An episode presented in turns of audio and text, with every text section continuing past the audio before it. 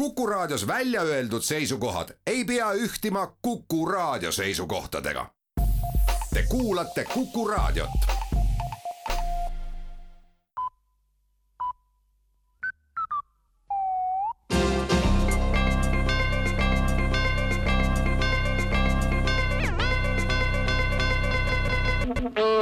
tere kuulama uudiseid stuudios Rohke Debelak.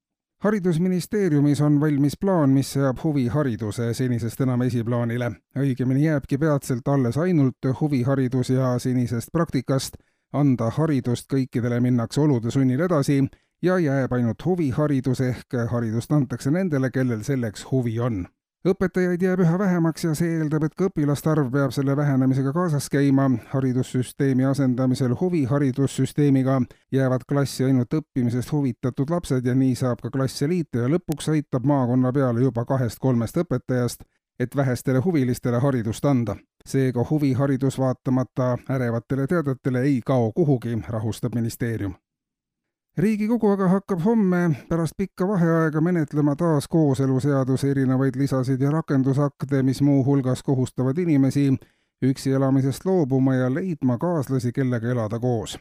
üksi elavad inimesed kulutavad protsentuaalselt oluliselt rohkem eluasemele ja toidule, samuti muudab üksi elamine inimese hingelist seisundit ja üldist emotsionaalset minapilti ja sageli negatiivses suunas üksi elamine on ebarentaabel, kodanikule ja riigile koormav ning karmistatud kooseluseaduse kohaselt peavad kõik inimesed endale järgmise aasta lõpuks leidma kellegi, kellega koos elada.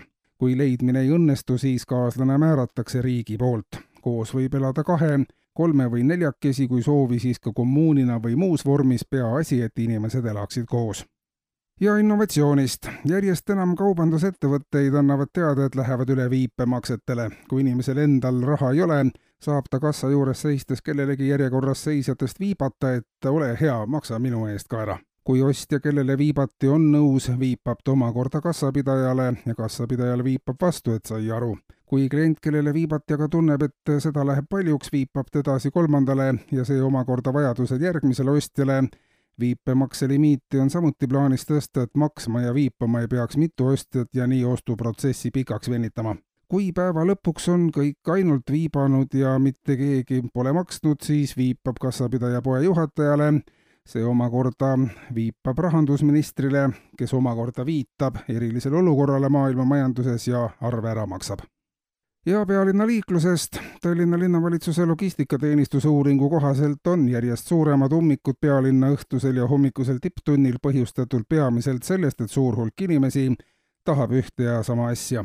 välja töötatud ummikute vähendamise kava kohaselt päästaks olukorra see, kui kas või pool linnaelanikeks ajaks oma hommikused ja õhtused toimetused ära mõnes muus Eesti linnas ega koormaks ainult pealinna infrastruktuuri järgmisel esmaspäeval antakse linnaosavalitsustele üle ka kindlad tegevuskavad, kus antakse veelgi täpsemad soovitused ja koordineeritakse ning jaotatakse Tallinna liiklus ühtlaselt üle terve Eesti.